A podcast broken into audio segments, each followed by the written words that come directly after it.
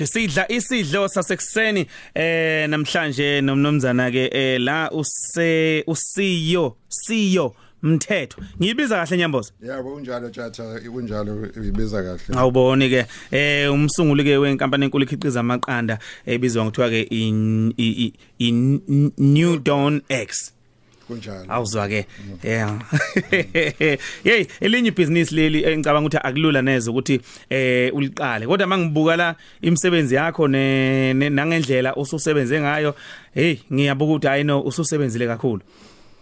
Eh, Nyambaza u- ungena kanjani kulona ibusiness lamaqanda njengoba senisezingeni lokuthi ni- nineyinkuku nje zu 403 1000 ngiyacabanga ukuthi akuzange kuvele kuvuke nje uzithola unamayitshela u 403000 Wa- waqala kanjani wangena kanjani?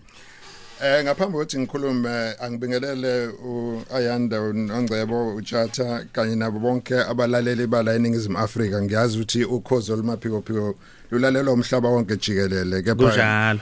eh ngibonge nethuba lensinikeze lona kanye uDon X ukuthi sikwazi ukuzonikeza sinithobelele ulwazi ukuthi kwenziwani masikhuluma amaqanda. Eh umngena kulomkhakha kuyona into elula kepha i- i- izigaba zihlukene indlela ongenwa ngazo. Mina ke ngaba nenhlanhla happen to be ukuba sendaweni e right ngesikhathi esi right ngenxa ukuthi umsebenzi wami eh waqala ngikwathonga Toilet Group ngaka pioneer ka pioneer ngathola ithuba ke lokuthi ngithenge eh isikhondla khondla sale nkampani sesikuyona ngenxa ukuthi sayithola vele inezigugu ezo 400000 em kodwa ke ukuqala ku- isihloko solunye usuku engachazela ngaso em em umsakazi. Em inhlanhla sibe nayo ke ukuthi sathi masingena kule mboni eh, enezinga elingaka lezinkukhu ngaba nabantu abaningi ababengilekelela bengimentorisha usho ukuthi ababengicathulisa kule ndima ngoba kuyona into ongayifunda esikoleni bese ucabanga ukuthi ungathi ekseni ungavuka uyenze. Eh lolo hambo ke lami lahambisana nezifundo ke ngangizenza nginyonyobela ngoba phela angibanga nayo inhlanhla ukuthi ngifunde ngisemncane kodwa ke ngathi mase ngifunda ngisebenza ngagcina ngithele ulwazi eStellenbosch eh, euniversity ese Cape Town eh la eyanginikeza umhlahlandlela ukuthi ngi- ngikwazi ukuqonda eh, kabanzi ukuthi ibhizinisi li- li- li- lisetshenzwa kanjani. Ungaba nolwazi lokuphatha izinkukhu kodwa uma ungenalo ulwazi lokuphatha ibhizinisi khona la ukudinga ukuthi ukwazi ukubalansisa konke lokho. Eh ukuphendula ke umbuzo wakho ikona ukuthi ukuze ukwazi ukuthi ube kule ndima fanele uqale uziqeqeshe. Eh lolo lwazi olutholile eh ukwazi futhi ukuthi u- u- ucobelele ulwazi lakho ngokuthi uxhumane nabo labo phela abasebe kuleyo ndima. Eh mina ke ngibe nenhlanhla ukuthi kunabanye abase Western Cape um eGeorge eh nakhona la eNatal abebevele bekulomkhakha eh abakwazile ukuthi bangicathulise ngize ngifinyelele la Mm.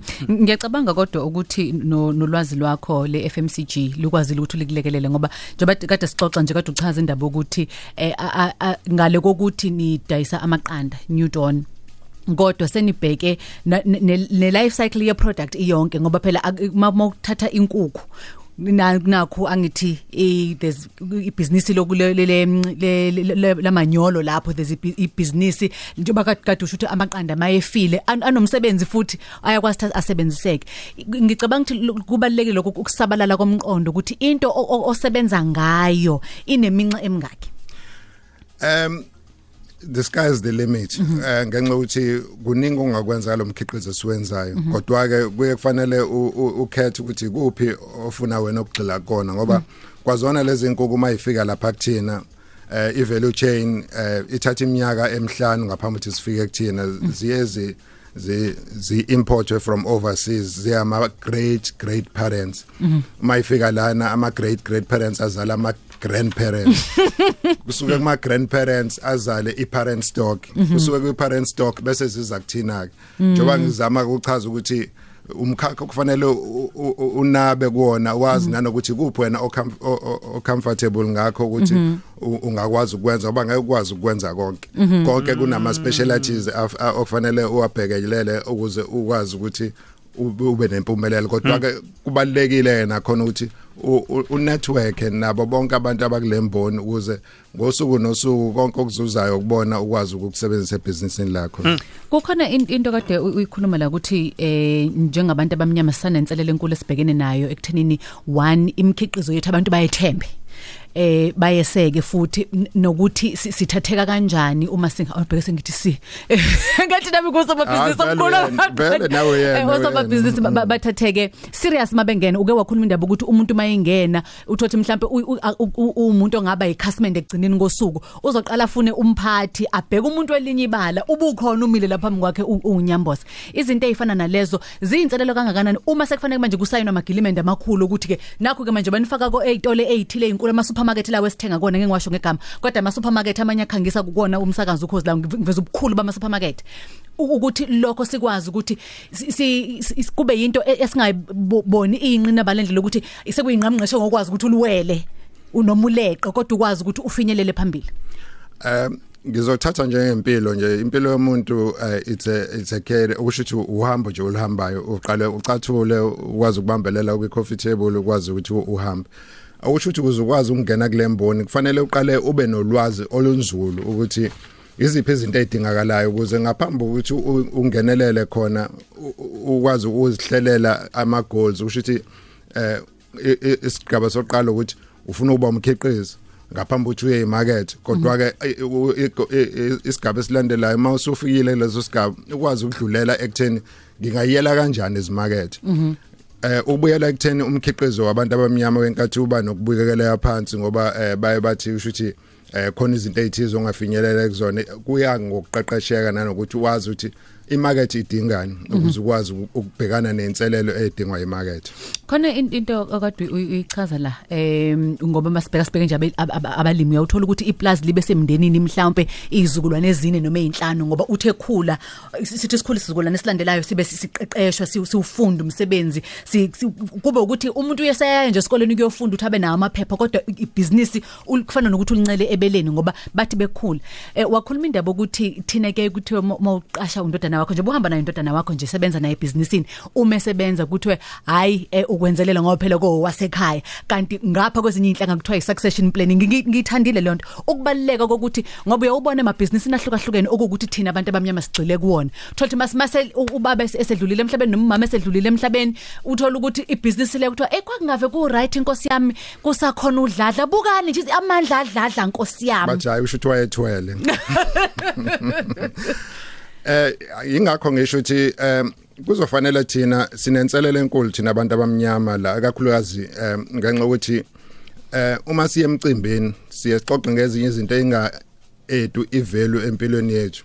Kanti laba bamhlophe baye babe nebrayi uthola ukuthi uma kuxoxwa ilawa ngempela amabhizinisi eqedwa khona. Uma ukuthi umntwana em wami ngifuna ukuthi ayothola ulwazi olunabile njengoba ngike ngenze nje no- ngomino uyayi nase George la uza kwethu ongimentorishayo ngithi akayofunda nje ukuthi kwenziwa kanjani ukuze a- anabise ulwazi lakhe ngoba into engiye ngisho ke kakhulukazi ebantwaneni ukuthi uma bengena lapha emsebenzini njengoba bekhona bebathathu besebenza uma bengena esengweni abasikhumula isigqoko sokuthi ngubaba wabo.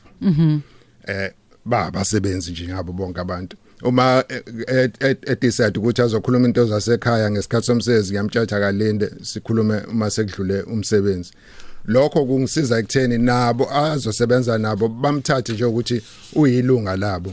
Ngoba uma uthi uzokuthimeza lapha emsebenzini ayitshena ukuthi isekhaya la izinto zizobonakala Alright eh sidla isidlo sasekuseni la eh no Nyambose eUCEO eh umthetho wamsunguli ke wenkampani enkulukazi ekhiqiza amaqanda ebizwa kuthiwa ke iNew Dawn Eggs eh wenyamboze ngifisa ukubheka la umkhiqizo eniyenzayo mntaka baba ngoba ngiyabona ukuthi umsebenzi wenu umukhulu eh kakhulu. Awu- awusibekisele nikhiqiza amaqanda amangaki mhlawumbe ngosuku eh mhlawumbe nangenyanga ekuyiwona nje niwakhipha niwaphakela ke izitolo lezi enkulukazi ukwazibalela zona ukuthi niphakela izitolo ezinkulukazi ningizima Afrika. Awu tjatha imkhiqizo wethu wangosuku siye sikhiqiza amaqanda awu 316000 eggs. Ngosuku? usuku ngalunye ngalunye kusho ukuthi ikota yemillion le kota yesigidi? kunjalo impela. Bese kuba ukuthi usuku nosuku einsukwini ezu7 siyakwazi ukuthi sikhiqize inyanga yonke ama- amabhokisi awu 27000 amabhokisi? Yeah ebhokisi ngalinye linamaqanda awu 360 sho usho ukuthi sokungaba ama million ke kulezi ifundiswa eAd amazira amaningi iwonke ekhona enye into eyinselele kulomsebenzi sikuwona ama input cost okusho ukuthi eh, okuyikona okusibiza kakhulu ukudla okucishe kulinganisele ku 60% okay. Oh ukudla kweyinkukhu ukudla kweinkukhu ngoba phela lapha nasinawo amaqhode sinezikhukazi kuphela ezidla lokho ukudla zibeka iqanda. Mm ya okusho ukuthi eh, kona ke ngokwamanani nje ngenyanga nje about 4 million ngenyanga nje imali nje yokudla. 4 million? Imali yokudla kuphela? Kuphela. Eh madoda. Kodwa manje mangabe ubheka le mali engaka ekhishwayo ekhishwele ukudla eh futhi mhlawumbe ke ikhamba kanjani inzuzo etholakalayo ikwenza uhleke kodwa egcineni Ah phela tjatha imfihlo leyo ngoba Imfihlo. ngicabanga ukuthi nabanye aba eng- eng- eng- eng- engiqhudelana nabo balalele so angikwazi ukuthi ngakhipha imfihlo zebusiness ehe kodwa ke Ngiyabona. phela inhloso kodwa mina ngiyakubona ebusweni nyamboza eh, inhloso yokuba sebusinessini ukuthi phela wenze phela nawo Inzuzo. amajuphana amancane Mm. ah kunjalo futhi kezwakala eh i- i- zingaki isebenzeni nazo njengamanje sina 211 yo.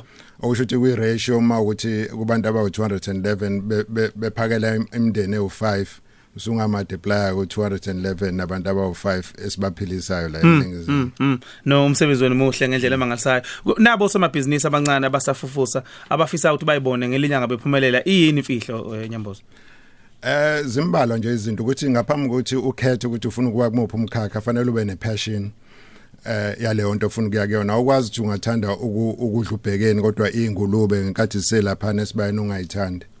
Usho ukuthi eh iyo yokuqala. Okwesibili ukwazi ukwenza ibudget. Usho ukuthi ukwazi ukuthi eh ngosuku nosuku imalini okufanele uyisebenzise ukuze ukwazi ukuyibekela isikhathi esilandelayo ngoba usuku nosuku kunendleko esibhekana nazo. Okwesithathu ukuhlukanisa imali onayo ibhizinisi ngiye ngilinganise ukuthi nalo liya- liyaphefumula ngoba line ideal alikho ibhizinisi elingena registration njengoba sonke sinama ID ahlukahlukene. Usho ngokunjalo noma uye bank awukwazi ukuthi ube neaccount eyodwa. Fanele ube nama account amabili eyebusiness neyakho. Ngoba uma ukuthi uzosebenzisa iaccount eyodwa ilapho ama business amanye athi uma esaqala abhi- agcine sewilo babagcina basesiyimali okufanele ngabe abayisebenzisa njengami nje ngokuphela kwenyanga ngiyahola. Eh uma ukuthi eh le eqondene nami imali ye- private income isiphelile ngizolinda umhla ka25 olandelayo Mm. Hey, so uyibekele lo mgomo ukuze ukuthi kubonakala kuyasetshenzwa. kunjalo impela Hey madoda, okay, no baba kuyabonakala. Umbuzo engifisa usiphethe ngawo ukuthi ke seziwakhicizileke inkukhu amaqanda ke. Eh, hayi sekufinyelele esigabeni sokuthi ke manje siyikhulile ayisakwazi ukuzala, ukuzalela. Eh, nishonisa phi inkukhu yenziwa kanjani? Um sike saxoxa nozakwenu eqaleni unongcebo eh, ngamazisa ukuthi lezi inkukhu kunemarket enkulu kabi la ngaphandle yabantu abazithandayo ngoba zicishe zifane nalezi zasekhaya esithi umleqo. Haw. eh umleqo ke igama siliboleke ngale kwa kwa Eastern Cape ngoba ngaphambi ukuthi inkukhu uyibambe ufanele ujahe uyayileqa. So lezo nkukhu ke uma uzidla zifana ncamashina lezi nkukhu zasekhaya. And abantu abaningi bayazithanda ngoba azifani nalezi ezinye ez- ezivame Ayifani ukutholakala. nolamthuthu. kunjalo impela Okay.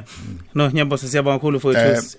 sengiphetha tjatha ngizothi eh kuneculo engizofisa ningidlalele lona noma bengisekho la e-studio leli lika Mondli Ngcobo inkanyezi Inkanyezi. ngani ngoba abantu abaningi baye bacala ukuthi uma une business fanele uthathe noma yini linomyalezo omuhleke lelo gama ngani ngoba uma ukuthi eh usebhizinisini akufanele yonke into ucala ukuthi uzenza ngesikhathi esisodwa kufanele konke uzihlelele uma ukuthi ufuna ukuthenga imoto kanokusho uqala ubheka ukuthi ibhizinisi lizokwazi nokuphila. Uyayidinga yini leyo moto kanokusho? ngoba abantu bagcina sebekukhohlisa bethi ukuze ubonakala ukuthi phela nawe usu- ususeyintweni fanele ubonale ngalezi zinto ezimaterial. Lezo zinto ngicabanga ukuthi azikho semqoka kakhulu.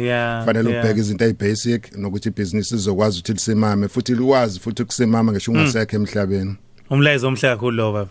Siyabonga kakhulu. Alright eh besikhuluma ke la no baba ke uSiyo Mthethwa eh umsunguli ke wenkampani yamaqanda iNew Dawn Eggs